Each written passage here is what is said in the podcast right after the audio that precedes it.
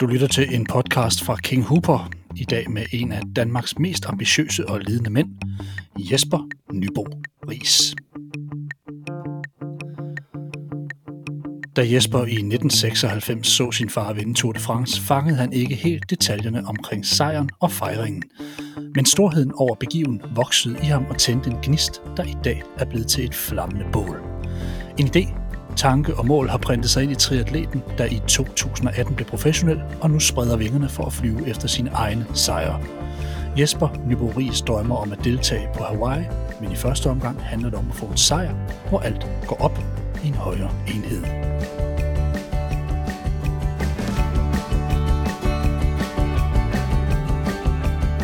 Jesper Nybo Ries, velkommen til en King Hooper podcast.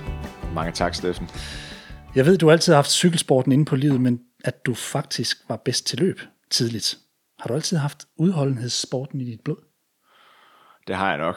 Øhm, lige siden at jeg spillede øh, fodbold eller spillede golf, da jeg var lille, eller tennis, så var det nærmere udholdenheden, end det var teknikken, der, der sådan var min styrke. Så det var altid de sidste 10 minutter af en fodboldkamp, jeg var bedst og kunne løbe fra de andre, men det var bestemt ikke øh, i taklingerne eller de frække finder, jeg kunne finde ud af. Så det er, det er helt sikkert udholdenheden, der sådan er skinnet igennem hos mig, lige meget hvad jeg har lavet. Er det noget, du har med fra din familie, eller tænker du bare, det er, det er bare sådan, det har været? Du er genetisk skabt sådan? Jo, altså, jeg har en far, der kunne køre langt på cykel, og jo. en mor, der er stedig. Ej, jeg, øh, jeg har helt sikkert haft det, haft det med hjemmefra. Mm. Øh, det der med at...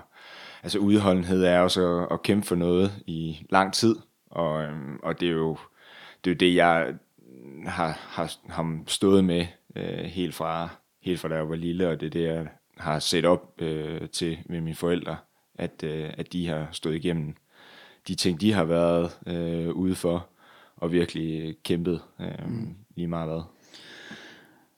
Jesper, du blev professionel for tre år siden, men hvordan så årene inden ud i forhold til sådan dit aktive liv? Altså, hvor seriøs har du været med, med den form for sport, du har dyrket generelt?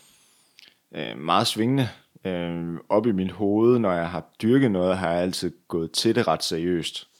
Øh, så har der så været forskel på alt efter hvilken øh, disciplin jeg lige har lavet, om, øh, om det er noget, jeg har troet på at kunne blive til en, til en større ting, end det jeg lige umiddelbart har lavet. Øh, men, men det har, det har periodevis, øh, for eksempel da jeg var færdig med gymnasiet, ville jeg rigtig gerne være cykelrytter, og, og gik, øh, gik sådan i et par år øh, hårdt ind for at blive en, blive en god cykelrytter. Og så var jeg ude af det, og så var sport øh, en mindre ting, med at kanaliserede øh, energien over på et, øh, et almindeligt job. Og, øh, og når jeg så kom ind i triathlon her, jamen så har det været med, med, med ret øh, stort fokus og, og, og koncentreret energi, at jeg har, jeg har dyrket det. Mm. Hvornår opnåede, eller, altså, hvornår opdagede du, triathlon var noget for dig? Altså, hvor, hvor, hvor fik du dit, dit, dit kald? Jeg har endegyldigt fået mit kald, øh, da jeg arbejdet i øh, Saxo Bank, og, øhm, og egentlig øh, savnede at dyrke øh, elitesport på, på højt niveau. Og øhm, jeg havde første gang stiftet bekendtskab med triathlon, der var øh, 18 år, sådan lidt af omveje, hvor jeg havde løbet en del i gymnasiet og trænet op til, en, til et maraton øh, i København og blev, øh, blev øh, skadet efter et, øh, et styrt øh, på cykel hvor jeg brækkede kravbenet, og så på min vej tilbage, jamen, så, så kom jeg i tanke om, at jamen, det der med at kombinere cykling og, og løb og sådan det kunne måske bruges til at, til at køre en uh, triathlon. Mm.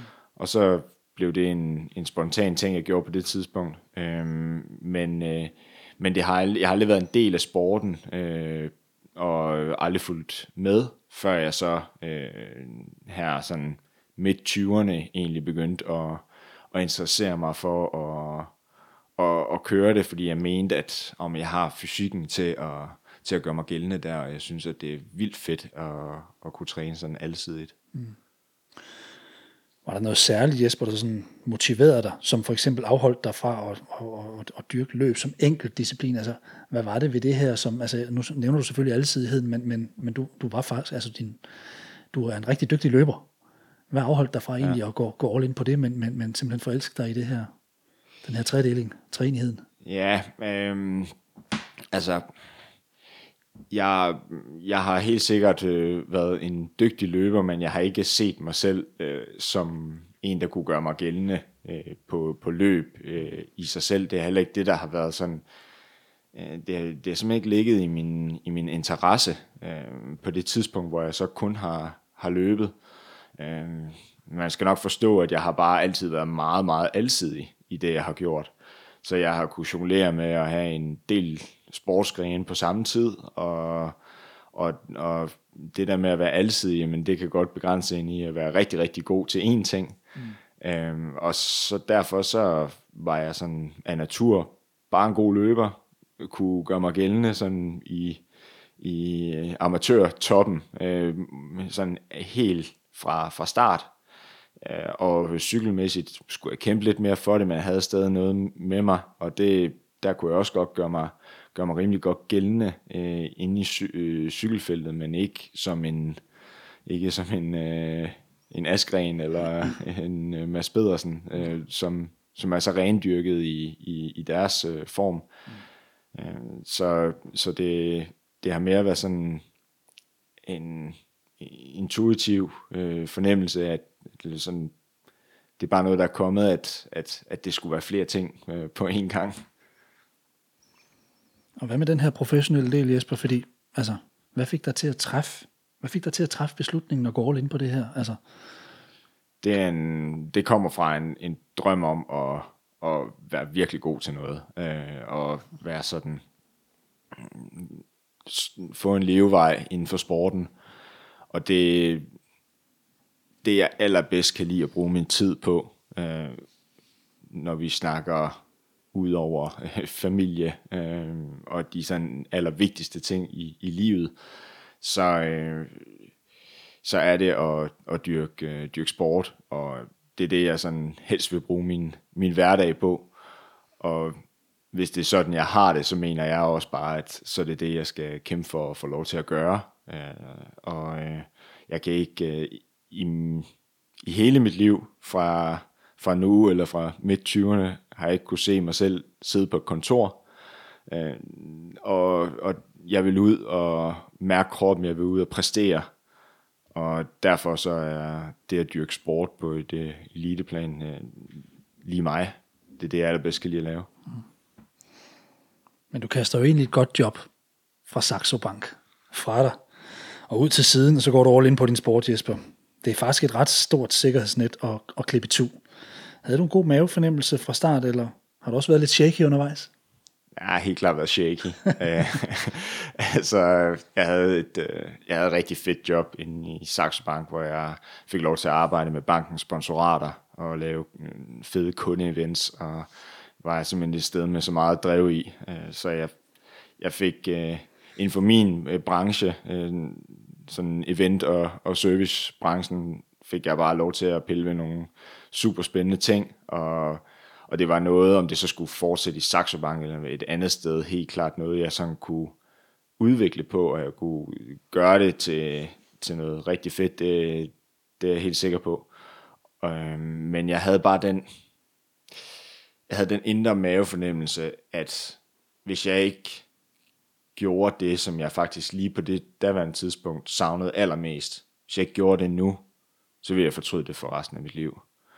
Øh, jeg tænkte, at jo, selvfølgelig er det bedst at gøre en karriere inden for, om det så vil være øh, bank eller, øh, eller psykologi eller et eller andet så er det selvfølgelig godt at, at skabe sig en, en god karriere tidligt. Men jeg stolte på, at de kompetencer, jeg har inden for det felt, det kan jeg bruge på et senere tidspunkt, hvis jeg har lyst til det. Øh, men lige der var der noget, der brændte øh, dybt ind i mig om, at jeg skulle ud og, og udvikle mig sportsligt, øh, og også som person. Øh, og det fandt jeg gennem sporten. Og det er vel også vejen til et godt liv. Det er det, jeg regner med, ja. da du ligesom beslutter dig, Jesper, der vender du det her med din familie, og det samt lidt mere, det er faktisk taget en snak med din far om. Bjarne Ries, hvad var din første tanke, da din søn kom hjem til dig og fortalte, at nu droppede han sit job hos Saxo Bank og blev professionel triatlet? Hmm. Ja, yeah, altså, min første tanke var, jeg tror sådan rimelig simpelt, at sige, hvorfor det? Uh, uh, er du nu sikker på, at du gør det rigtige? Øh, og som, som far, det tror jeg jo, eller som forældre, så tror jeg, det er en rimelig logisk tanke som sådan. Ikke? Jeg synes, han havde et, et, et godt, fornuftigt job hos Saxo Bank, og, og øh, jeg synes faktisk, han gjorde det rigtig godt, fordi at han øh, Jesper er rigtig god til at tage sig af mennesker, og, øh, og han faldt ind i den rolle, i det job, han havde der, rigtig, rigtig godt.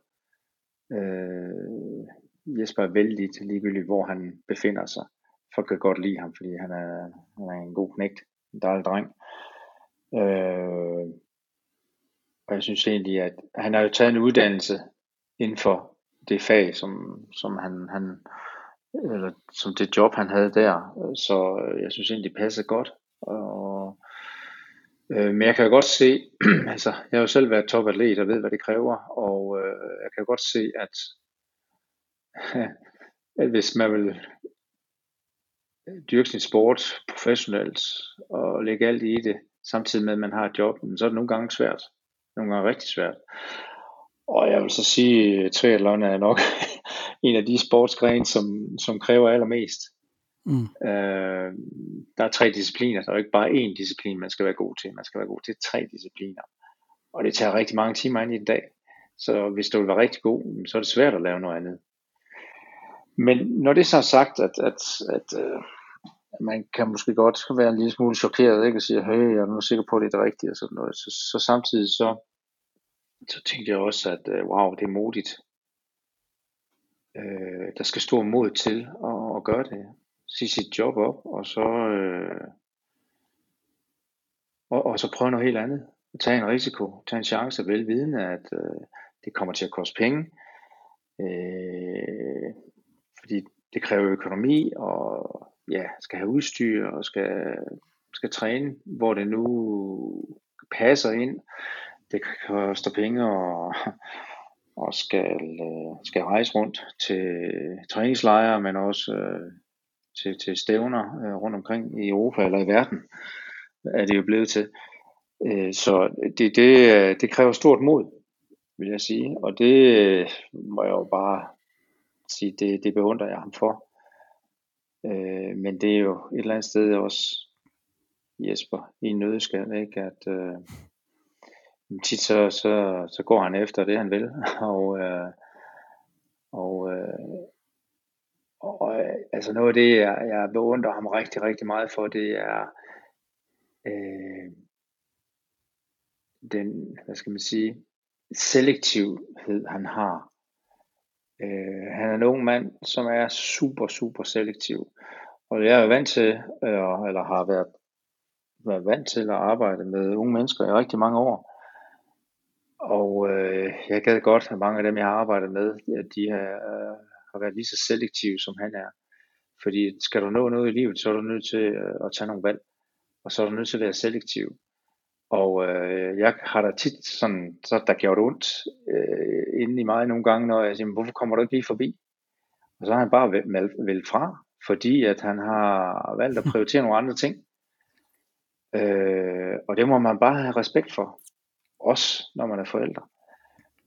Øh, fordi da jeg var ung, i, i hans alder og yngre, jamen der var jeg også selektiv. Jeg valgte også nogle ting fra. Jeg valgte mine venner fra.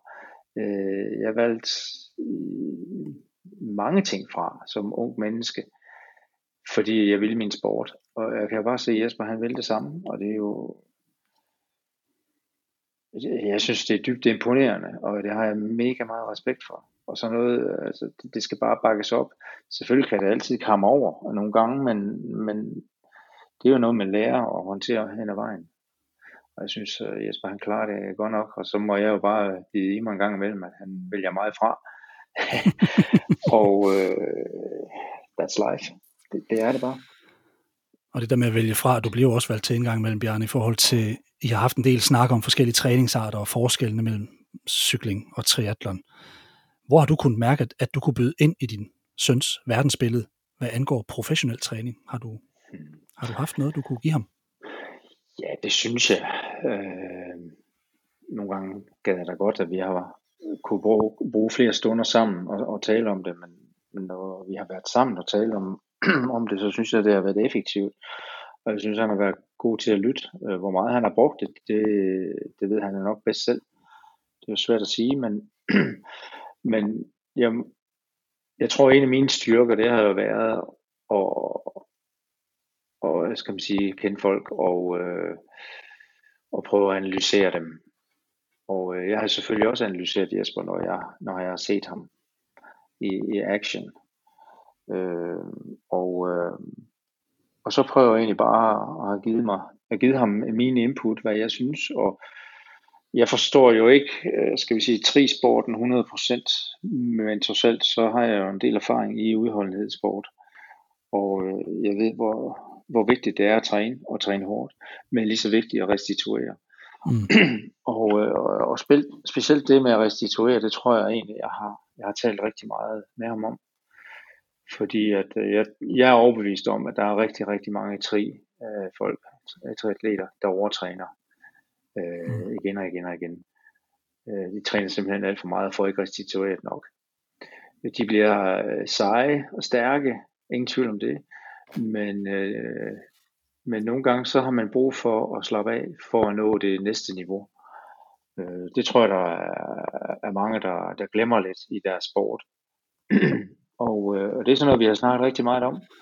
Og det tror jeg faktisk, jeg kan se, at han, han, han har lyttet en del til, og, øh, og jeg kan også se, at hans resultater bliver bedre og bedre, og han udvikler sig mere, når han husker at, øh, at restituere imellem hans træningspas og, øh, og lige, altså tit så har han jo, så har han jo, øh, hvad skal man sige, om så står han lige op, så svømmer han lige om morgenen, ikke? og så er han lige ude i cyklen tre timer, og så går han sådan og keder sig lidt om eftermiddagen, så, så hen under aftenen, så siger jeg løber lige 10-15 km. Ja, okay. Så er det, jeg siger til ham, prøv at høre Jesper, øh, det kunne jo godt ske, fordi at, han er så god til at løbe, så han mærker ikke, at han faktisk begynder at nedbryde sin krop når han lige tager ud og løbe en tur. Men akkumuleret træning øh, på det niveau der, øh, med at ligge og drøne alle de baner igennem i svømmehallen, og så lige ud og køre 90 km eller 110 eller et eller andet, hvad han nu kører, og så skal lige løbe en, øh, jeg vil sige næsten en halv maraton hen under aften. Øh, der tror jeg altså nogle gange, det er for meget. Og, og det er sådan nogle ting, vi har snakket om specielt, ikke? Ja, og som du selv nævner, så så, så, så kender du lidt til, til de her lidelser. Hele den her udenholdenhedsting her, man går igennem for at nå sin mål i professionel topsport. Hvad er det, Bjarne, for nogle kvaliteter ved Jesper, der gør, at han kommer til at klare den og brænde igennem her, tror du? Jamen altså, Jesper giver jo ikke op. Han er jo, han er jo en sej hund. og, øh, og han har jo en enorm vilje, ikke også? Og og det, han har jo et enormt behov for at vise, at han er god. Øh, og det, det, det er jo også det, der er med til at drive ham. Det er også, og på sin vej har han jo fået mange slag, øh, og det har været hårdt, fordi han, han har jo også startet sent, sent i sporten. Øh, og, øh, og der er mange ting, du skal vente til, altså specielt svømning, fordi det er jo der, måske den største udfordring for ham er at, at han, han er bagud i svømning, fordi at dem, hans konkurrenter, de har svømmet altid, stort set. Og det har Jesper bare ikke. Men han kæmper jo, han giver jo ikke op, og det er også derfor, han bruger så mange timer i, i, i bassinet, ikke? Og, eller hvor nu han nu svømmer. Og, øh, og det er jo bare, det er jo det, der skal til. Altså det, hvis man skal være en exceptionel atlet, skal man nogle gange også være en lille smule tosset. Altså, øh, gå til ekstremer. Ikke? Og, øh, og jeg synes, han, han har i hvert fald det største talent, øh, det er viljen. Og det er det, der driver ham rigtig, rigtig langt. Mm. Jesper, han nævner meget sin familie, når han taler om sit projekt, og der er du jo en af dem. Hvordan kan du, Bjarne, mærke, at du er vigtig i hans bestræbelse på at få succes?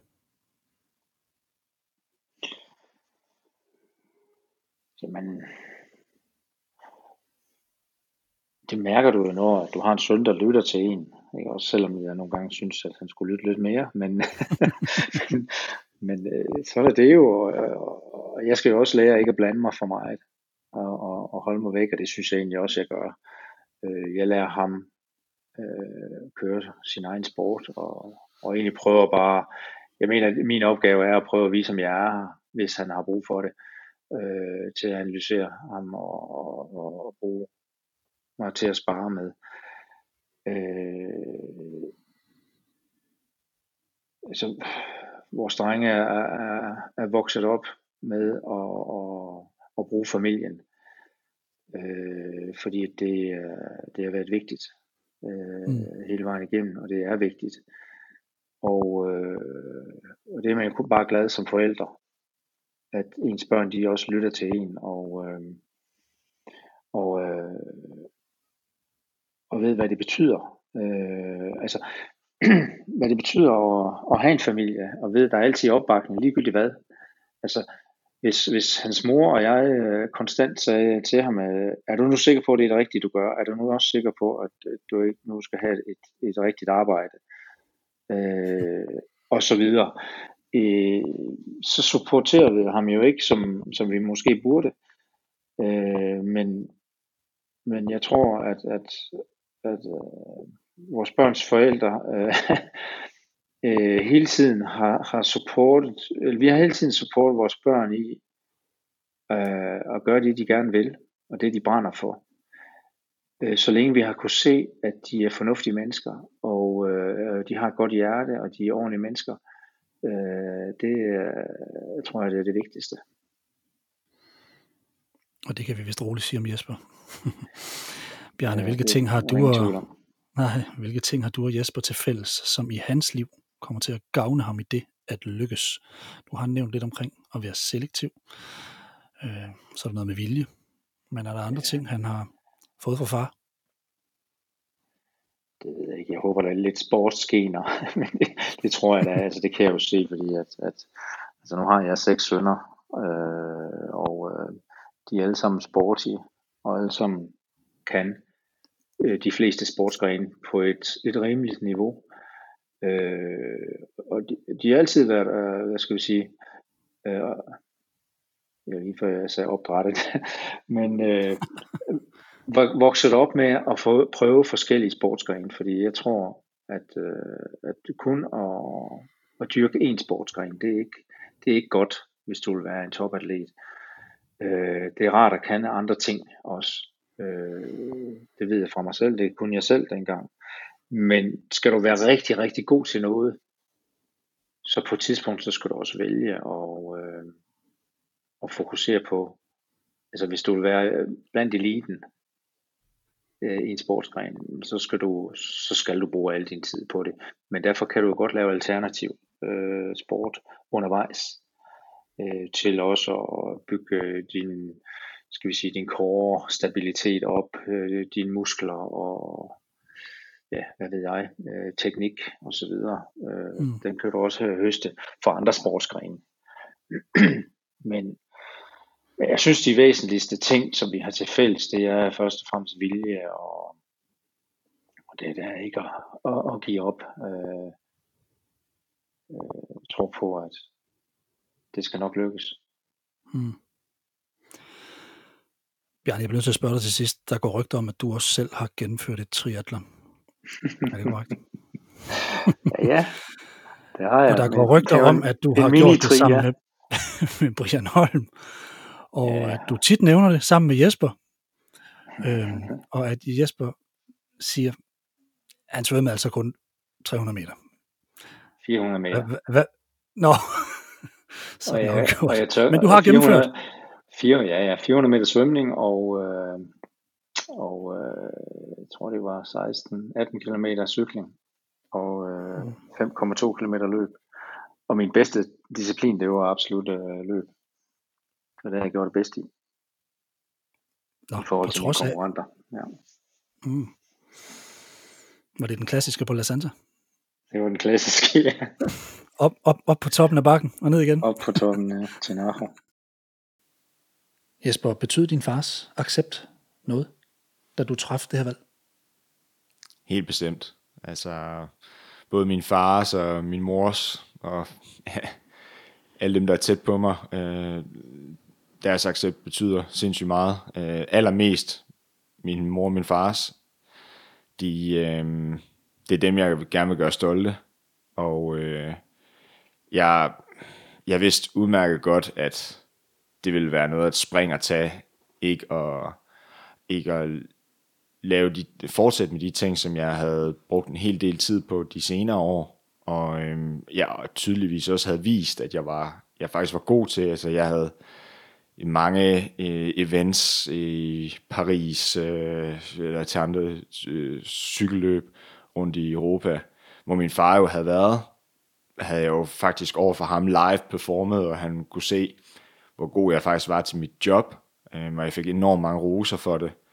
Øh, jeg kunne se, det gjorde ham stolt, så det var sådan virkelig på den måde en, et svært valg at, at sige, at jeg skal noget andet, som jeg måske ikke er så sikker på, at jeg er god til, øh, men det er noget, jeg drømmer om at være god til. Og, øh, og derfor så øh, var det med en så var det med en usikkerhed på, om jeg nu også både fik accepten, og så også om de synes, at det var en, en god idé for mig. Øhm, om de stolte på, at jeg, at, at jeg var god til det, jeg lavede. Øhm, øh, og øhm, og det, det har betydet meget for mig at, at, at vide, at, at, de, at de accepterer, at jeg træffer min egen valg. Øhm, men, øh, men der har helt sikkert også øh, blomstret sådan noget fanden i voldskæder op i mig, øh, der om, om de så på forhånd øh, synes, det var en god beslutning eller ej, så skulle jeg virkelig vise dem, at det var en god beslutning. Mm. Øhm, og øh, og det, det, har, det har helt klart øh, betydet noget for min drivkraft. Så nævner han, at du ikke lytter nok til ham, når I snakker træning. Hvem lytter nok til sin far? ja, øh, hvem, hvem, hvem, hvem har ret af jer to? Altså, ved du mere om, om, om trisporten, end han gør? Ja, jeg ved mere om trisporten, end han gør, men øh, han ved mere om udholdenhedstræning, end jeg gør. Øh, og altså, øh, jeg, jeg tager helt klart øh, rigtig, rigtig mange ting, øh, mange af de ting, som han siger, dem tager jeg til mig. Øh, generelt, øh, de ting, han siger, er noget, folk de lytter til. Det er også derfor, han har haft så meget succes på, på sportshold, hvor, hvor, hvor rytter de, de lytter til ham. Der er mange, der gerne vil følge ham, fordi at han er meget velovervejet og har en, en, en god argumentation for de ting, han siger. Øhm, og det samme gør sig gældende for mig som søn. Altså, jeg, jeg synes, at det er, det er meget rammende, det han øh, pointerer over for, hvad han ser, øh, når han ser på mig som atlet og som øh, person, øh, kan han jo, han har et skarpt øje for at se, om jeg gør tingene ordentligt, eller jeg gør tingene for meget, og, og han, han tør også at sige det, når det er, at jeg, øh, jeg, jeg har snakken med ham. Øhm, han holder sig egentlig meget tilbage, men, men, men når jeg selv åbner op for det, så, øh, så kommer han med, med 100 km i timen og, og, og, og, og, og tegner på et, øh, på et A4-papir foran mig med alle mulige kruseduller om, at øh, det er sådan her, din formkurve den skal gå, og det, det er de her perioder, du skal restituere, og så kommer han bare med, med, med al sit engagement. Øh, Det er også og fedt. det er, det er virkelig fedt, ja, og jeg, jeg lytter øh, helt klart, men, men jeg har jo en, jeg har en dagligdag i, i Danmark, hvor vi jo heller ikke snakker sammen, øh, eller ser hinanden øh, hele tiden, og jeg har et, et sindssygt godt forhold til min træner, øh, så det er jo også meget ham, som jeg lærer øh, have øh, fingeren på, på pulsen, og så stoler jeg meget på det, og så den sparring, jeg får fra min far, men det er noget, som jeg så kan bruge på sådan et større plan, og, og noget, jeg kan smide ind mod min træner, som så kan, kan, kan evalueres og, og dissekeres i. Og din træner, ham vender vi faktisk lidt tilbage til, Jesper. Jeg vil bare sige, i forhold til ja. din far, så længe man har gennemført blot en mini-tri, så sidder du med det stærkeste kort. Skal vi ikke blive det? Jo. I den her branche, der kommer man jo ikke sådan for alvor ind sådan rigtigt øh, på et hold, hvor der er sørget for en, ligesom i cykelsporten eller som fodboldspiller. Jeg ved godt, du har et meget stærkt øh, samspil med, med, med, med Aarhus 1900. Det er en ret individuel sport, og jeg ved, du får stor støtte hos 1900, men jeg ved, du har lavet en del fodarbejde selv, fordi for alle er det tilladt i Aarhus 1900 at have en privat sponsor. Så det, jeg mener med det her, er, at der ikke ligesom ligger en færdig kontrakt, og så sørger Sunweb eller Ineos lige for resten. Hvor meget arbejde, Jesper, ligger der bag at blive professionel triatlet? Der, der ligger rigtig meget arbejde. Øh, hvis man sådan tager sporten sådan helt ovenfra, så øh, er det kun de aller, allerbedste på verdensplan, som egentlig lever på samme måde, som en, som en cykelrytter gør, vil jeg sige. Altså, øh, det er det er de få, som har en palette af sponsorater, der gør, at de kan leve af, af triathlon udelukkende og deltage i alle de træningslejre og alle de konkurrencer, som de egentlig vil, øhm, og have den professionelle support, som man behøver som, som en topatlet. Mm. Øh, flere penge er der ikke i sporten, øh, men der er så ved at opstå nogle, nogle, nogle hold som på verdensplan, som begynder at varetage lidt af de her ting. Men det er stadig virkelig for de få. Så man ser ofte, at øh, professionelle triatleter egentlig lever ret, øh, ret simpelt, og ikke har så mange folk omkring sig, dyrker rigtig, rigtig meget triathlon, de altså træner rigtig, rigtig meget, og er sindssygt dygtige atleter, men de har slet ikke den øh, backup til at at få behandlinger ofte nok, eller få en hjælpende hånd ud til konkurrencer, og lige sove på de gode hoteller, når man er ude til konkurrencer, fordi ah, det er lige sparet væk, øh, fordi man skal passe på budgettet. Og det er simpelthen fordi, at de atleter, som træner rigtig meget, men de har faktisk heller ikke rigtig tiden til at søge sponsorater, eller gøre det sådan lidt for sig selv som man sagtens argumenterer for, skulle man ikke træne 5 timer mindre om ugen, og så sørge for at få et par gode sponsorer, der kan hjælpe en på vej. Men det er bare sådan, at øh, sporten den sådan mm, lidt, lidt, lidt skarpt sat op øh, ser ud. Øh, vi ser faktisk ofte, at øh, sådan lidt øh, dem, der er gode på sociale medier, egentlig øh, trækker flere sponsorer til sig, men dyrker det på amatørplan, øh, og, og faktisk lever næsten mere privilegeret som atleter, end øh, professionelle gør. Og, øh, og det er, sådan, det er sådan sporten er, og den er stadig ung, og der er bare ikke samme økonomi som i andre sportsgrene. Det har både sin charme og øh, sin ærgerlige side. Mm. Men sporten er på vej, og den udvikler sig, og der sker, øh, der sker rigtig meget de her år, der kommer flere penge ind i sporten, og der, øh, og der opstår flere hold, hvor man ligesom får lov til at være en, en del af det. Øh, og der har jeg så øh, for ganske nylig øh, etableret et professionelt triathlonhold øh, sammen med min gode ven øh, Jens Emil øh, Slot Nielsen, som som er en dygtig exterior atlet, og, øh, og vi, vi springer begge to ud af, af øh, eliteholdet i, i års 1900, og, og det fællesskab, der er der, men havde en, vi havde en ambition og et, øh, et håb øh, om, at øh, vi godt kunne etablere noget, som, som kunne skabe det fundament øh, for os, øh, så vi egentlig kunne blive rigtig dygtige atleter, øh, og have noget, have noget mere økonomisk øh, støtte omkring os, og, og leve mere professionelt. Mm. Øh, fordi man, man kan blive en dygtig atlet ved at have et, øh, et øh, halvtidsjob, eller, eller passe noget ved siden af ens øh, trisport, men jeg vil sige, når jeg ser over på cykelsporten, jamen, så, så burde øh, mange flere af os dygtige atleter inden for triathlonsporten øh, kunne, øh, kunne slinge benene op på sofaen, når vi, øh, når vi ikke træner, eller få øh, ugenlig massage, eller, eller få en, en, en med, når vi er ude at rejse til, øh, til de afsides kroge af verden for, for at køre konkurrencer. Um, og og det, det er der ikke til øh, lige nu. Men, Øh, men vi, har, vi har skabt et hold, der hedder Carper Triathlon, og, um, og det, er vi, det er vi virkelig stolte af, og det er super fedt at have sat i gang. Og, og det er med, det er med meget um, mod på, på livet, kan man sige, at vi, at vi ligesom begiver os ud på den her rejse.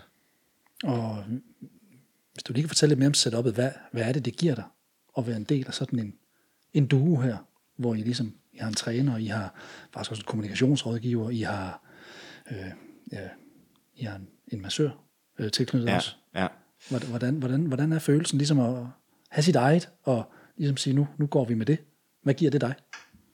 det giver mig en, det giver mig en ro, og det giver mig en arbejdsiver. Jeg ved, at, øh, at Jens Emil, han også, øh, han også regner med min øh, indsats, og, og jeg regner med hans.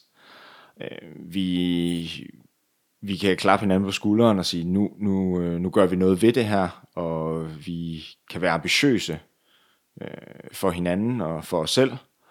Så det giver mig en, det giver mig en tro på, at vi kan skabe et rigtig, rigtig fedt hold, der, der sådan er, øh, øh, som, som er noget folk de gider at se op til og gider at følge, og det kan, det, det kan skabe noget, det kan skabe noget initiativ i sporten, og, øhm, og det giver mig en tro på, at jeg kan leve øh, mere i min sport, øh, og de år jeg nu kan få lov til at dyrke det her i, øh, kan jeg gøre det på en endnu federe måde, end, end hvis jeg ikke havde sat det her i gang. Og I har også valgt at være ret åbne omkring, øh, hvad det er, I render og laver. Altså, øh, jeg kan se, der, der, der er dagbøger, beskrivelser og så videre. Og kommer der, hvor langt kommer vi ind i forhold til jer to? Kommer vi ind og øh, følger jeres træning? Får vi noget at vide om kost? Får vi, øh, hvor meget får vi med fra det, I render og laver? Gerne så meget som muligt. Øh, vi er altså vi er meget åbne øh, som personer, og vi vil vi vil sindssygt gerne fortælle, og vi vil også gerne vi vil godt skabe en, en fangende vinkel øh, på tingene, og, og give tingene lidt mere kant. Vi, vi, vi synes ikke, at det skal være så, så, så kedeligt, selvom det er seriøst. Så det handler, det, vi vil ikke give de der sådan øh, klassiske øh, instrukser om, hvad, det er, man skal spise øh, før en træning, eller hvor mange minutter skal man køre de og de intervaller. Det skal, der kommer nok nogle, nogle, øh, nogle detaljer undervejs om, hvordan vi gør, men vi vil godt fortælle nogle af de der øh, historier, som så også bare giver et indblik i, øh, hvad der også er fedt ved at, ved at dyrke sport. Øh, og for noget, der kan få folk til at grine, noget, der kan få folk til at få lyst til at, at samle nogle venner, og så selv gå ud og få de oplevelser. Selvom det ikke er på et eliteplan. Mm. Øhm, og, øh, og fortælle nogle gode historier, som, som, som fanger. Ja, og, øh, og med det er jeg også helt sikker på, at så kommer der også de der lidt mere nørdede ting ind i det, øh, fordi det er jo også det, som vi, vi beskæftiger os med. Ja, så hvordan vi, hvornår er det, vi spiser de der klamme sukkergeler, eller hvor meget vand er det egentlig, man skal drikke på en cykeltur, jamen det, det skal nok blive flettet ind øh, i vores øh, fortælling. Og nu har vi så valgt at, at gribe det andet, sådan at vi, at vi skriver nogle nyhedsbreve, hvilket er sådan lidt atypisk egentlig i dag, øh, fordi et, hvem gider at sidde og, og læse et nyhedsbrev, men det gør jeg. Fedt, fedt Steffen. Du får den helt sikkert. øhm, og, og, men, men alligevel så føler vi bare, at, at det er et, altså personligt så jeg synes jeg er et fedt format at kunne sætte mig ned og så skrive noget interessant for folk. Noget, og det starter jo selvfølgelig med, at jeg selv synes, det er interessant. Og så håber jeg på, at det er noget, der fanger andre. Øhm, og så er der øh, de sociale medier, som jo øh, virker rigtig godt. En god måde at komme ud til folk på. Øh, vi kan godt have vores overvejelser og vores tanker omkring, hvordan det lige kommer ud. Øh, fordi det, det, er en, det, det er lidt af en balancegang og, og både at fange, øh, men øh, at give noget, noget holdbart, øh, noget information, men, men samtidig ikke blive for, for, for, for lang i det, for langhåret i det, og, og, øh, øh, og det, det, det er jo bare derfor, vi også har valgt at, at, at, øh, at arbejde sammen med en, øh, en kommunikationsrådgiver, så vi, så vi ligesom formår at fortælle vores historie på den, på den rigtige måde, så vi påvirker flest mulige mennesker og giver, giver noget fedt til verden. Og så har I et mantra. Ja, Hvad er det? Hold kæft og arbejde godt. Hvad? Hold kæft og arbejde godt. hold kæft, ja, Eller hold hvad? kæft og arbejde godt. Ja, bare luk, og så arbejde.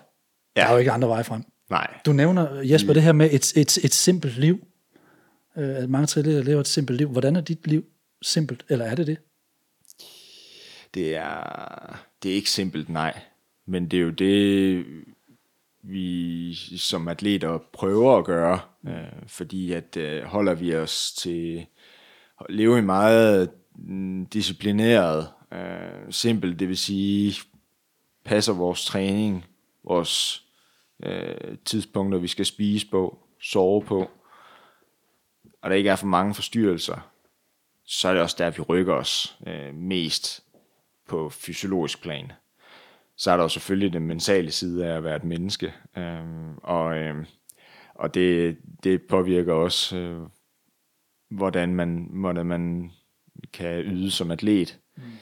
Øh, men, men lige det, hvis vi lige skal komme omkring det der med at holde sin kæft og, og, og arbejde godt, øh, så er det jo også sådan ment i sjov, men, men at, at nogle gange, så skal der ikke være så meget palaver, der skal ikke diskuteres, hvad der skal gøres og ikke gøres. Nej.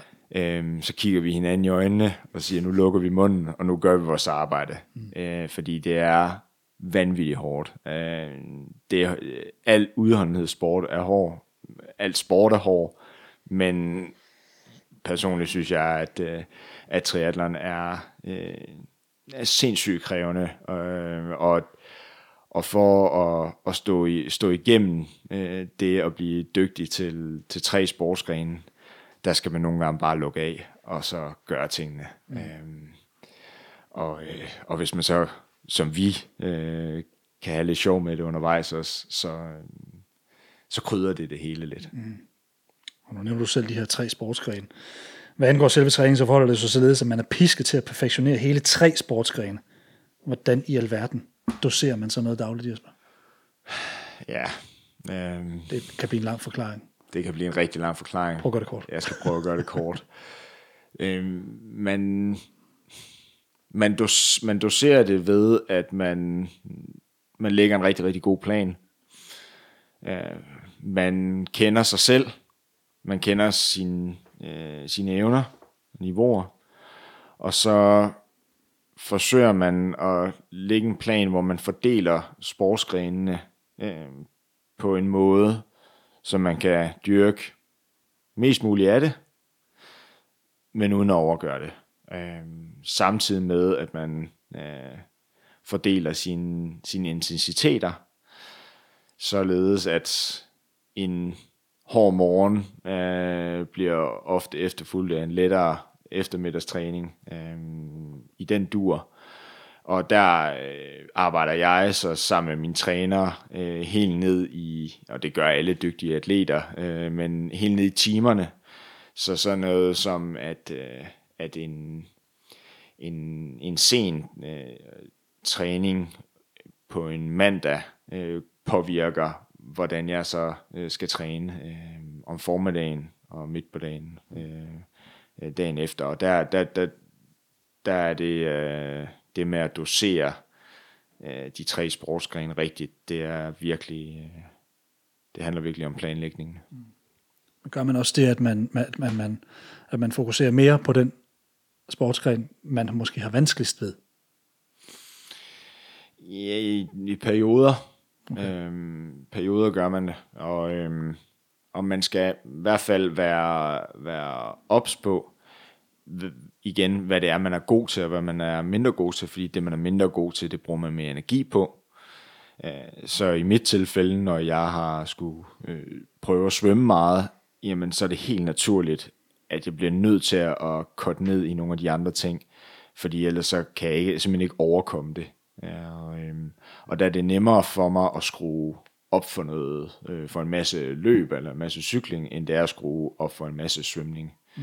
Øh, forholdsvist. Og, og, og når jeg så er bevidst om det, øh, så kan jeg så manøvrere det på bedst mulig vis. Mm. Og den her far for at overtræne, hvor ligger den? Over det hele. Over det det er, øh, altså, det er noget, som, som ligger i, i overvejelserne hver eneste dag, vil jeg sige. Øh, det der med at overgøre det, fordi vi, min far øh, har, altså noget af det, jeg så har taget meget til mig, det er, at øh, det er ikke, øh, det er ikke svært at arbejde, arbejde hårdt, men det er, det er svært at, at gøre det rigtige. Og, øhm, og der, øh, eller arbejde rigtigt. Og, øhm, og der kan jeg øh, sagtens se på mig selv og på andre atleter, at øh, vi vil det bare så meget, at, øh, at man tænker, at ah, jeg kan sagtens lige holde til at svømme og bruge armene øh, nu, og så senere så bruger jeg benene, og, og så øh, når aftenen er om, så, så, så, er alt, øh, så er alt ok. Mm. Øhm, men, øh, men vi udsætter os selv øh, på, for, for, for en stor belastning, og, øh, og vi skal hele tiden være ops på vores kroppe, øh, for, at vi ikke, øh, for at vi ikke overgør det. Mm. Cykelrytter og langdistanceløber, de arbejder også meget med det mentale, og smerten, den er en sand følgesvend, når vi taler triathlon. Hvordan kan arbejde med smerte på en konstruktiv måde sådan foregå, og hvilke greb benytter du, Jesper? Ja, øh, altså smerte er en, er en virkelig sjov størrelse. Ikke? Øh, der er, vi bliver, øh, altså med årene, så bliver man jo erfaren i at, at håndtere smerten. Øh, men jeg veksler enormt meget øh, mellem at kunne håndtere meget smerte og kunne håndtere meget lidt smerte. Øh, og for mig personligt, så har jeg lært, at, at når de perioder, hvor jeg kan håndtere mest smerte, det er de perioder, hvor jeg er mest ovenpå rent mentalt. Så hvis jeg har alt muligt, der fylder op i hovedet, sådan noget, noget jeg er ked af, øh, hvis der er mange ting, jeg prøver at få til at flette, flette sammen, så, øh, så har jeg ikke overskud til at æde mig selv mm. øh, i, i træningspassene. Og så er øh, så holder jeg ikke særlig lang tid i smerten. Mm. Øhm, men hvis man hvis man doserer tingene rigtigt og har, har lagt en, en fornuftig plan, hvor, hvor der også er plads til at, at, at, at, at sådan navigere i ens intensiteter, så, så lærer man at at kunne både udholde mere smerte, men, men også at gå til den grænse, at man, at man ikke overbelaster sig selv, altså man ikke føler hele tiden, at man arbejder for hårdt for tingene. Øh, og så er man bare egentlig et godt øh, flow og en, en god udvikling. Men udover smerten, så kan tvivlen melde sig. Og øh, her nævner du faktisk, i forhold til hvad jeg har læst, din træner, Christian Jersil, som person, der kan noget særligt med dig. Hvad er det, han er god til, Jesper? Han er skide god til at læse mig. Øh, og så er han så er han bare øh, så god til at, at give mig en, en tro på, at de ting, som jeg gør, de er rigtige. Øh, han, han har han har en enorm øh, indfølingsevne, så, og det er bare på et helt menneskeligt plan. Øh, så, så det kan godt ske, at han ved rigtig meget om fysiologi og, og træning øh, og intervaller, og jeg skal give det, skal jeg. Men der, hvor han virkelig sådan stråler igennem, det er det der med at, at kunne læse mig, hvor, hvor står jeg henne. Og når han gør det, så kan han planlægge træningen flere uger frem, og simpelthen ramme den lige røven på, hvad det er, jeg kan håndtere. Øh, hvor jeg sådan i slutningen af en træningsperiode føler, at nu skal jeg simpelthen ikke have mere, men jeg kan lige klare det. Mm. Øh, og så, øh, han har bare de menneskelige kompetencer, der gør, at, øh, at han kan, han udvikler sig selv, og han udvikler andre. Og nu har jeg arbejdet sammen med ham i en 3-4 år, altså en 3 år, hvor det har været seriøst. Og, og vi udvikler os også øh, sammen som, øh, nu tillader jeg mig at kalde, mig, kalde det et par, fordi det er jo egentlig det, vi er. Altså sådan, mm. at vi, at vi øh, lærer os, os selv og hinanden bedre at kende til, at den træning, han planlægger for mig i dag, jamen den er endnu mere præcis og, og endnu bedre for mig, end det han planlagde for et år siden. Mm. Hvad har du egentlig tvivlet på undervejs? Jeg har helt klart tvivlet på, om jeg kunne blive øh, en rigtig dygtig triatlet. Så hele projektet egentlig? Hele projektet, ja ja. Altså, okay. der, du har ikke bare haft tvivl omkring svømningen, eller, eller men nogle gange faktisk kan det her overhovedet? Ja, jeg ved, altså, jeg tvivler, jeg vil sige, næsten hver dag. Altså, jeg, jeg, det er jo tvivlen, jeg rigtig ofte skal kæmpe med for at overbevise mig selv om, at jeg skal fortsætte, jeg skal blive ved med at kæmpe for det, og det, det er værd. Øhm, jeg tvivler på mit niveau. Jeg tvivler på, om jeg synes, det er sjovt nok at lave. Øhm, jeg, jeg tvivler på, om de offringer, jeg, jeg gør mig, øh, den tid, jeg ikke får med min kæreste, min familie, mine rigtig gode venner, øh, om det, om det, det simpelthen er det værd at, at, øh, at opgive noget af den tid, jeg kunne få med dem, for at, for at følge det her projekt som jeg så igen tvivler på, om jeg kan blive god nok til.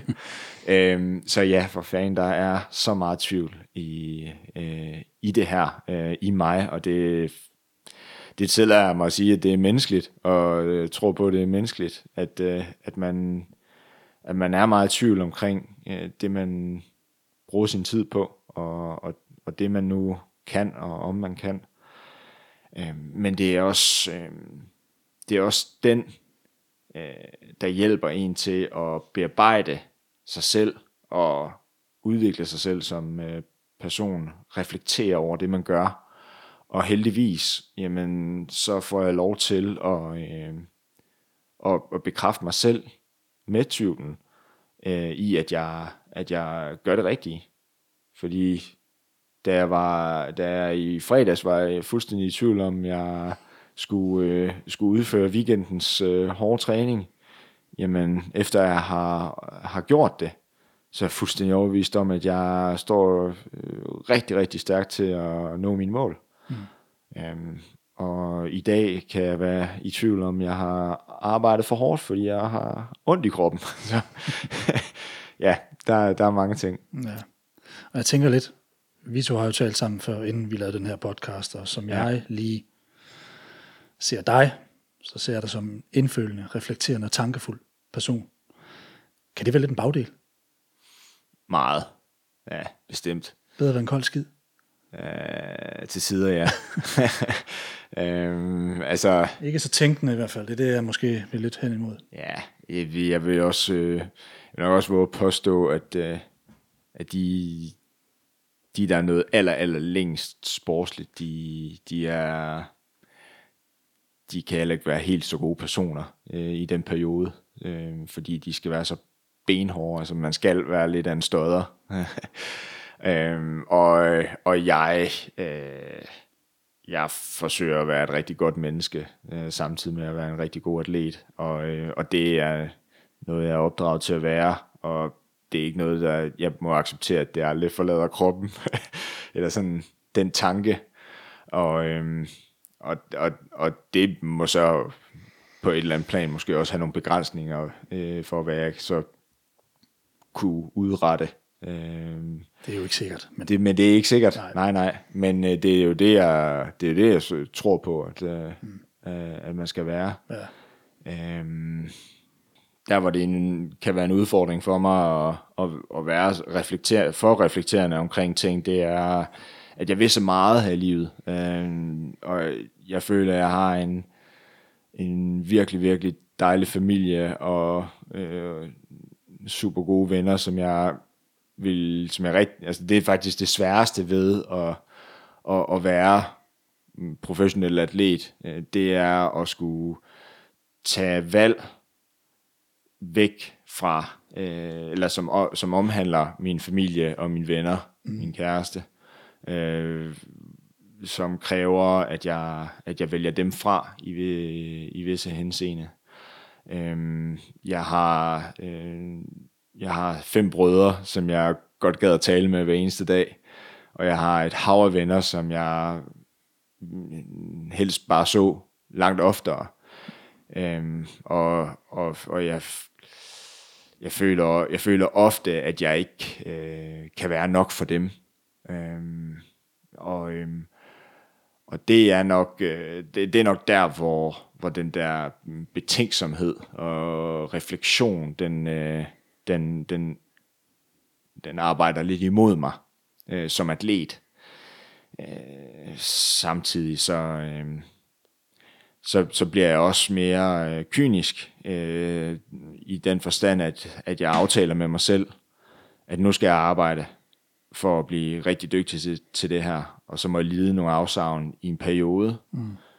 øhm, for at kunne opnå de mål, jeg gerne vil, og så er jeg helt sikker på, at når jeg så ikke skal det længere, så skal jeg nogle af de andre ting, som jeg gerne vil i livet. Mm. Øhm, og det, det, er, det er sådan set en, en god nok øh, snor øh, at holde fast i, øh, fordi den holder mig lige på sporet og siger, det er nu, det skal ske. Det er, ikke om, det er ikke om fem år, jeg skal udvikle mig meget. Det er nu, jeg skal udvikle mig meget. Mm. Og så må det koste på timerne med, med, med vennerne eller, eller familien. Mm. Og man kan jo sige samtidig, det er din far i hvert fald ytret nu, det afføder også noget respekt, at du faktisk træffer de valg. Og der er vel også mange andre, der bakker dig op i det her. Er det ikke din oplevelse? Jo, jo, det er det jo. Og det er jo ofte, øh, hvilket jeg tit øh, snakker med min træner om, at det er ofte mine egne, øh, det er mine egne tanker om, hvad folk de tænker om mig, øh, der begrænser mig. Mm. Øh, altså, fordi at jeg tror, at jeg skuffer folk ved at sige, at jeg ikke kan se dem. Øh, men i virkeligheden, så alle dem, der har mig kært, de vil jo til hver en tid sige, Jesper, gør det, du skal. Øh, og det får jeg også bekræftet øh, hos min familie øh, og mine venner, når det så er, mm. øh, at de har fuld forståelse øh, for det, og de siger, Jesper, det er nu, du skal gøre det, vi støtter dig øh, fuldt ud. Øh, men det, det når, når jeg sidder og arbejder alene, eller, eller, eller, eller har en, en svær periode, så, så, så kan det stadig være svært at, at, at, at tro på. Ikke? Mm. Så jeg husker, hvis jeg lige må indskyde det, øh, så her i, i, i vinters, øh, omkring, omkring jul, hvor min, min bror og jeg, vi, øh, og faktisk også vores kærester, skulle have været til Schweiz, ned og besøge øh, min far og, og en og, og drengene. Øh, og vi er altid dernede til nytår. Vi har altså øh, siden, øh, hvad jeg sige, siden mine forældre blev skilt, har vi holdt nytår med vores far alle nytårsaftener på nær øh, et år, hvor jeg har været ude at rejse øh, sammen, med, sammen med min bedste ven. Og, øh, og det, altså, ikke at tage dig ned her i år på grund af corona. Jeg måtte i sidste ende melde fra, fordi jeg vidste, jeg kommer ikke til at kunne svømme i en uge. Og jeg var inde i en sindssyg god periode øh, på, på svømmefronten, og jeg arbejder, jeg arbejder virkelig målrettet øh, her i vinteren. Så kunne jeg, øh, altså, som atlet kunne jeg ikke se mig selv i øjnene og sige, jeg tager afsted med, øh, til Schweiz.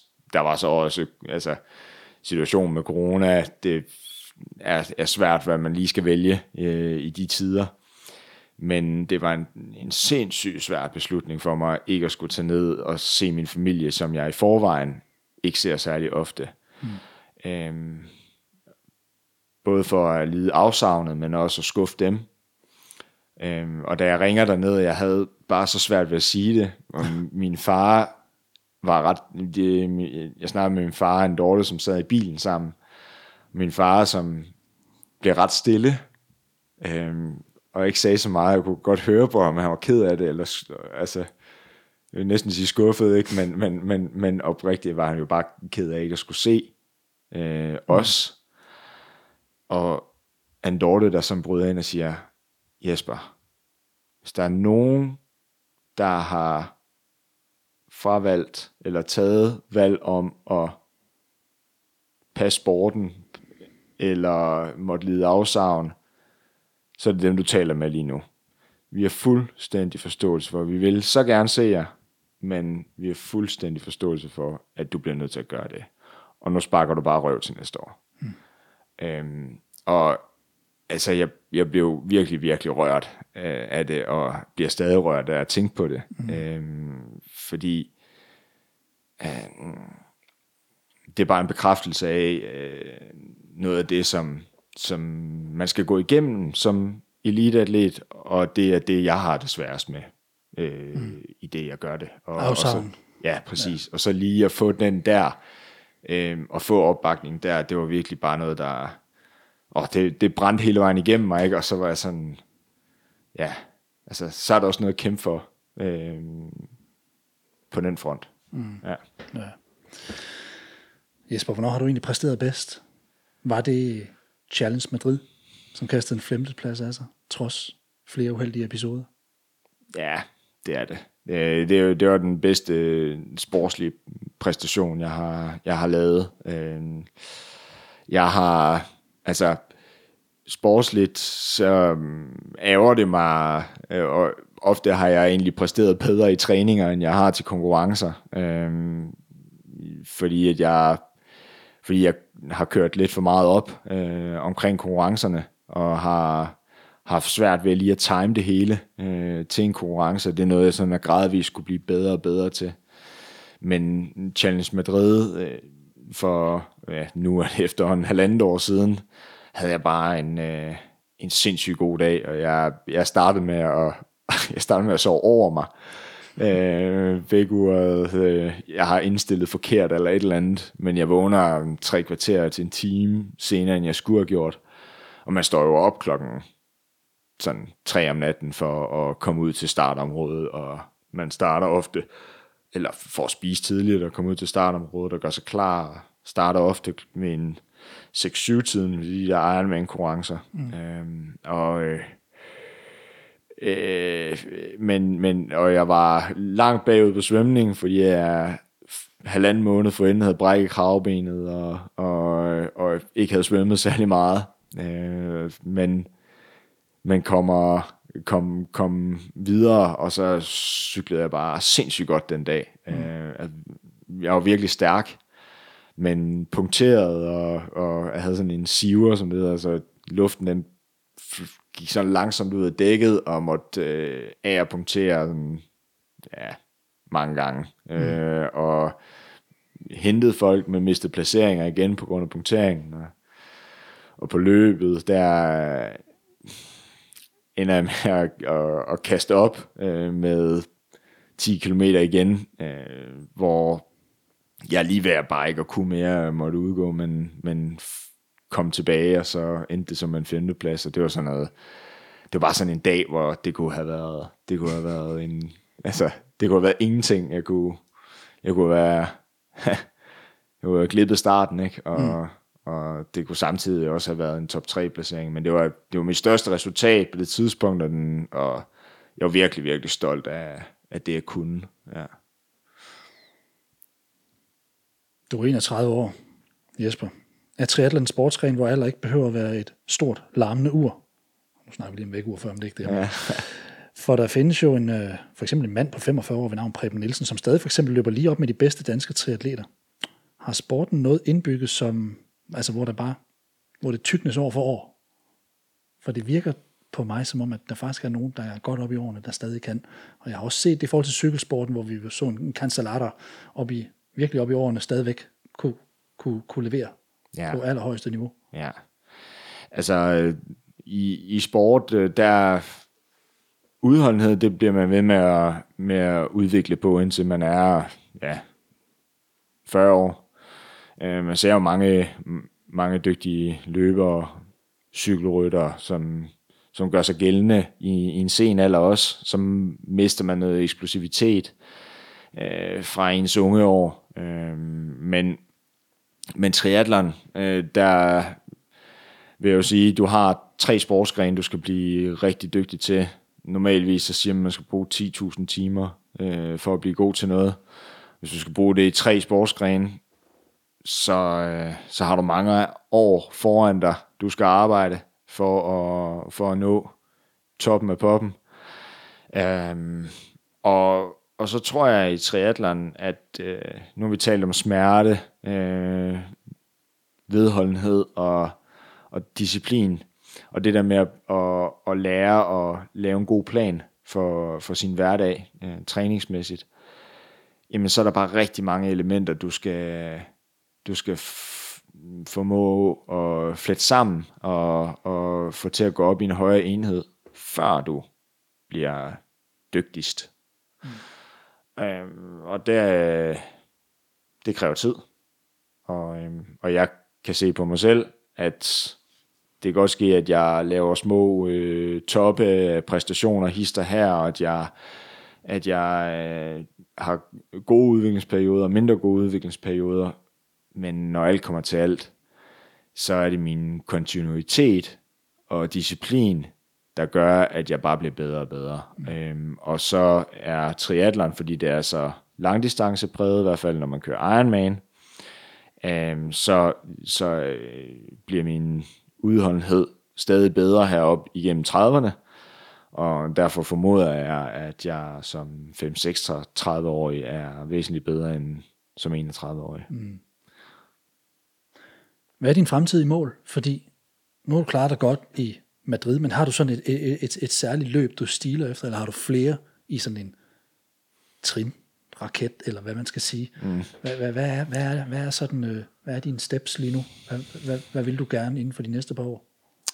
Ja, først og fremmest så, der hvor jeg gør mig gældende som, øh, eller hvor jeg kan være rigtig god øh, som triatlet, det er på de ruter, som er meget hårdføre.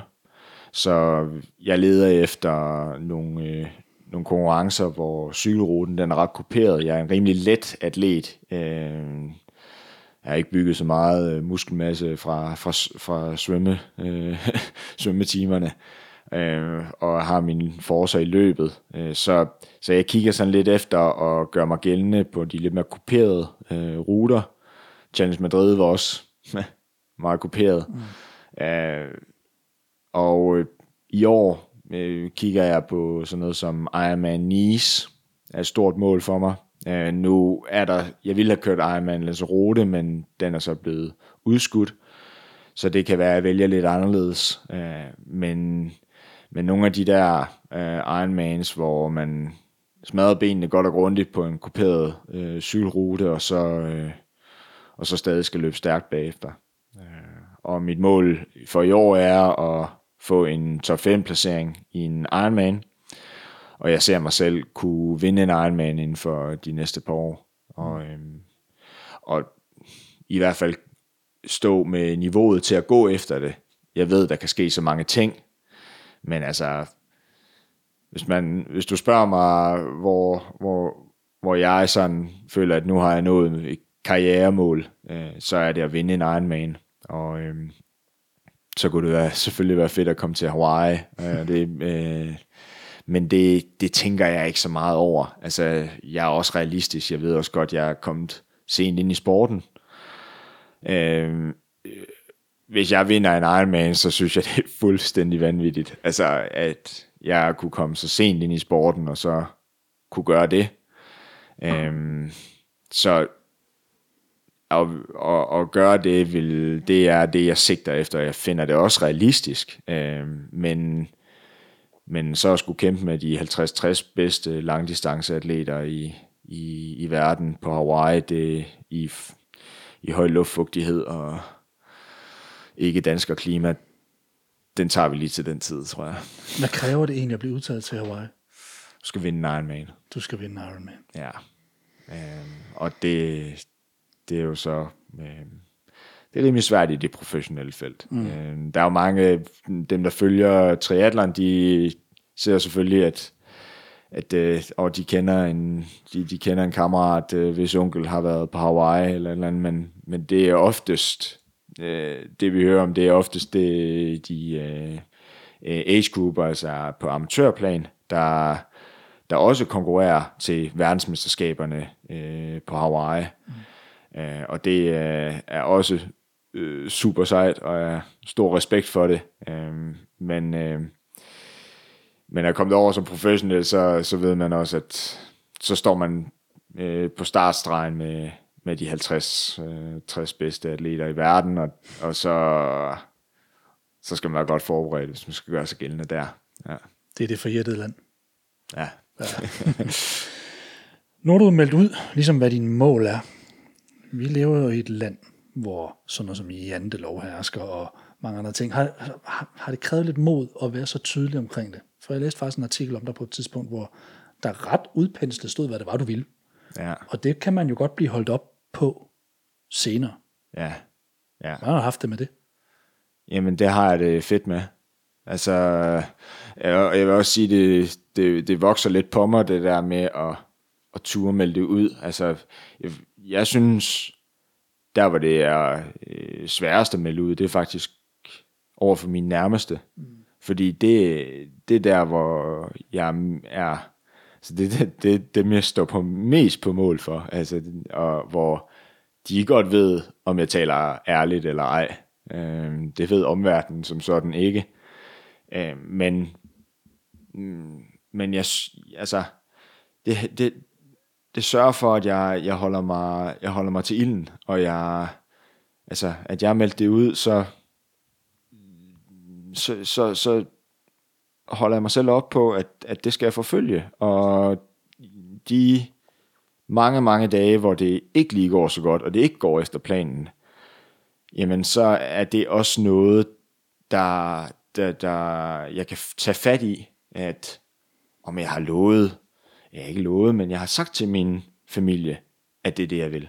Jeg har sagt til min træner, at han skal hjælpe mig med at lave en plan til, at jeg kan vinde en Ironman. Jamen, så kan jeg ikke bare give op på det. Mm. Så det er lidt en, øh, det er lidt en forsikring, jeg laver, øhm, ved, at, ved, ved at fortælle om, om det, jeg, det, jeg drømmer om, og, og det, der er mine mål. Og, og det er ikke bare noget, jeg hiver ud af røven. Altså, jeg, det er fordi, jeg har en, en, en idé om det, men det er også, og, at jeg, jeg strækker også langt efter det. Mm. Ikke? Øhm, men, øh, men det er det, vi, det, det er det, vi lever for. Altså, og, og det er fuldstændig lige meget, hvad man laver, men der er ikke noget federe, end at, end at nå ens mål. Sådan er det. Mm. Din drøm det er at vinde løb. Det har du sagt flere gange. Du har tidligere beskrevet, at det er vigtigt for dig, at din familie og venner er der, når det sker. Hvilken rolle spiller de i det her projekt, at de skal være der? De spiller en stor rolle. Øh, det er familien, der, der betyder der betyder alt. Og så er vi tilbage til, at det er både deres støtte, men det er også, øh, at de får lov til at følge øh, min kamp. Og, øhm, og det, altså, det, det, når, jeg, når jeg drømmer om succes, når jeg drømmer, så er det altid, så har jeg familien altid med mig. Øhm, og, øhm, og, og det er, det er både for at, at vise dem, at jeg kan og leve, leve op til, til, til det, jeg gerne vil, og gøre dem stolte, og ja, det der, det der alle følelserne, de ligger. Øhm, mm. så, øhm, så, så, så betydningen, den er bare, den er bare stor at have dem øh, tæt på. Din mor, hun har været en stor del af den proces, du har været igennem med det her. Og hende har jeg faktisk talt med om dit projekt. Mette Nybo Ries, du har været en stor del af din søns rejse ind i en professionel verden omkring triatlon. Hvordan har du set ham vokse i det her? Øh, jamen, jeg, jeg synes, øh, hovedordet på det, det må simpelthen være, at øh, han er bare øh, mega glad. Han er simpelthen så glad, og han er så begejstret for det, han laver. Så øh, Jesper har altid været en god dreng, man kan sige sådan. Øh, og altid meget dedikeret i det, han laver. Og, og det er han så også rigtig meget i det her. Så han er ja, glad og begejstret. Mm.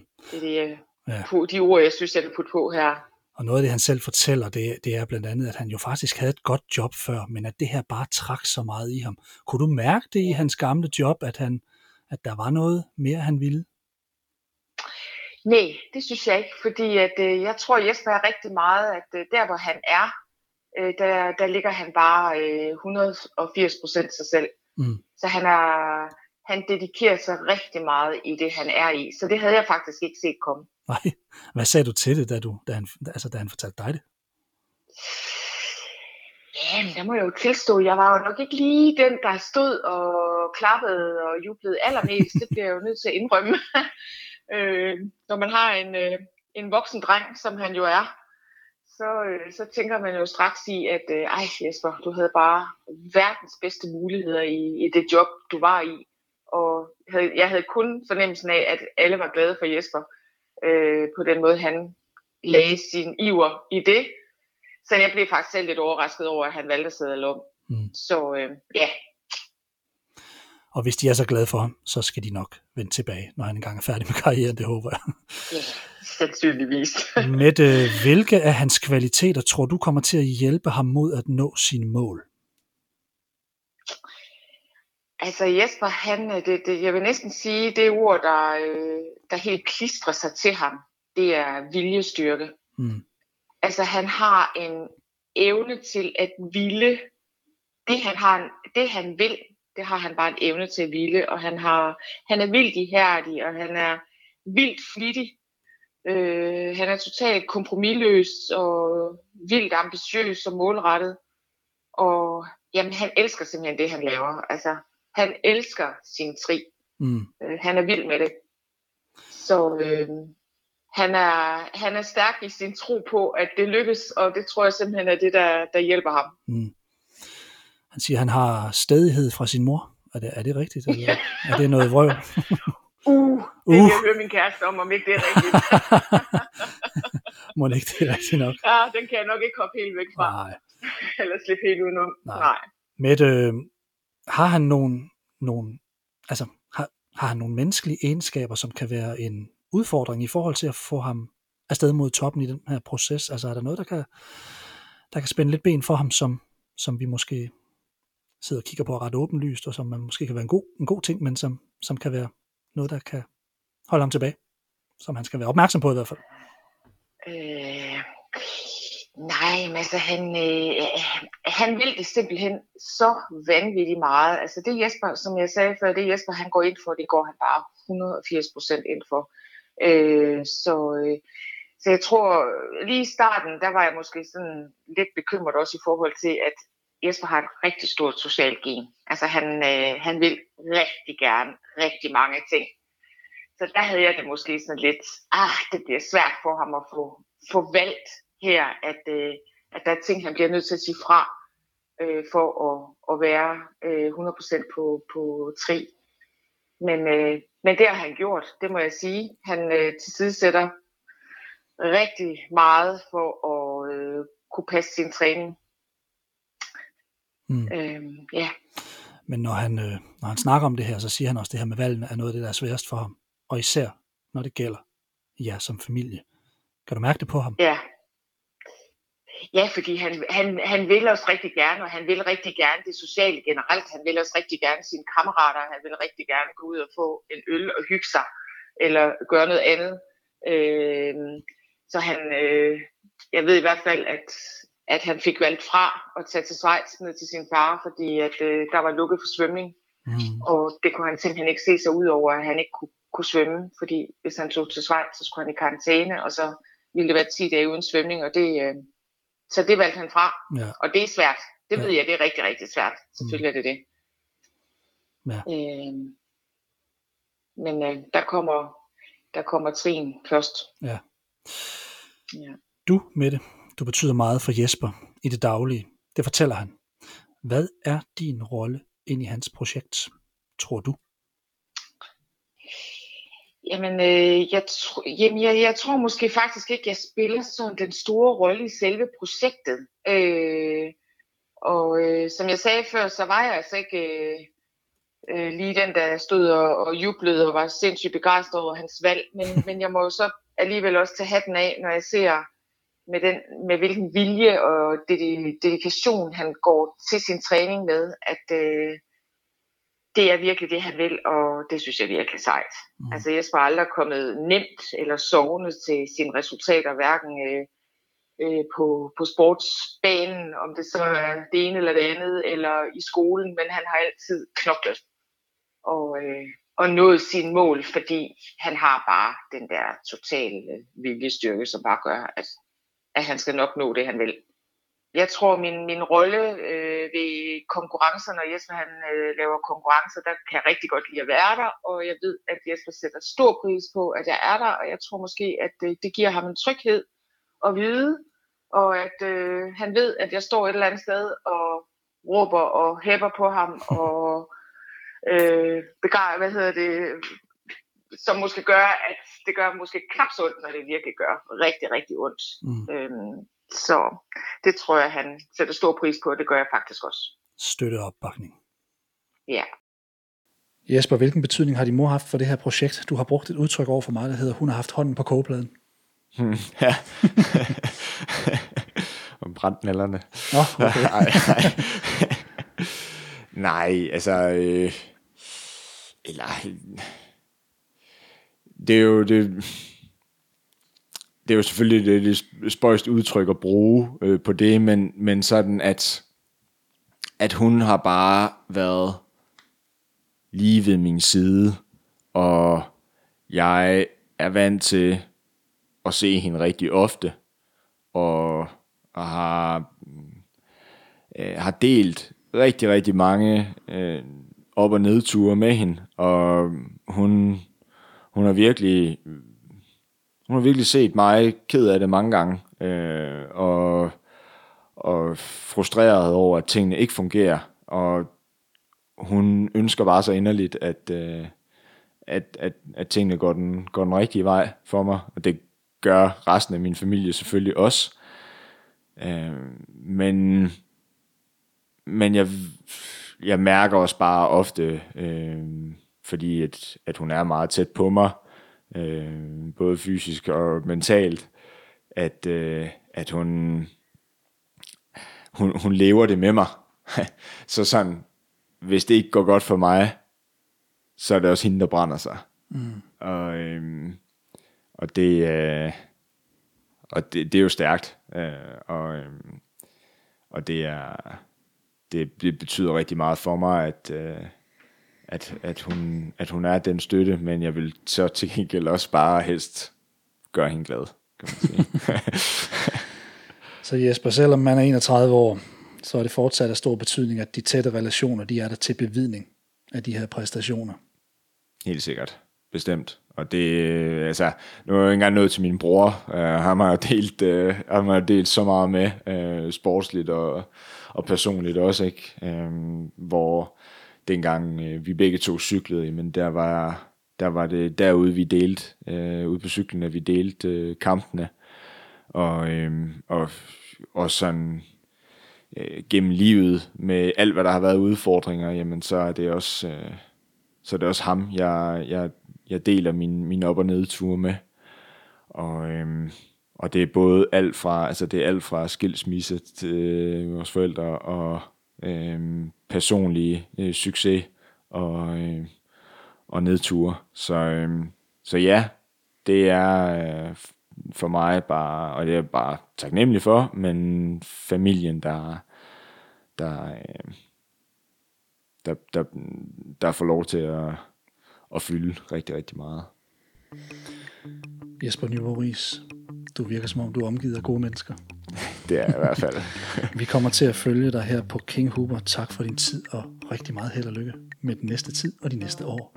Mange tak, og lige måde, Steffen. Husk, du kan finde blogs, artikler og podcast her på kinghuber.dk. For teknikken i dag stod Carsten Pedersen. Mit navn er Steffen Pedersen. Tak fordi I lyttede med derude, og på gensyn.